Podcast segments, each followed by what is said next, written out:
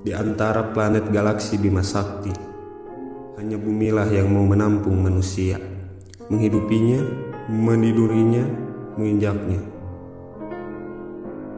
Tak pernah bumi merengek meminta balas budi.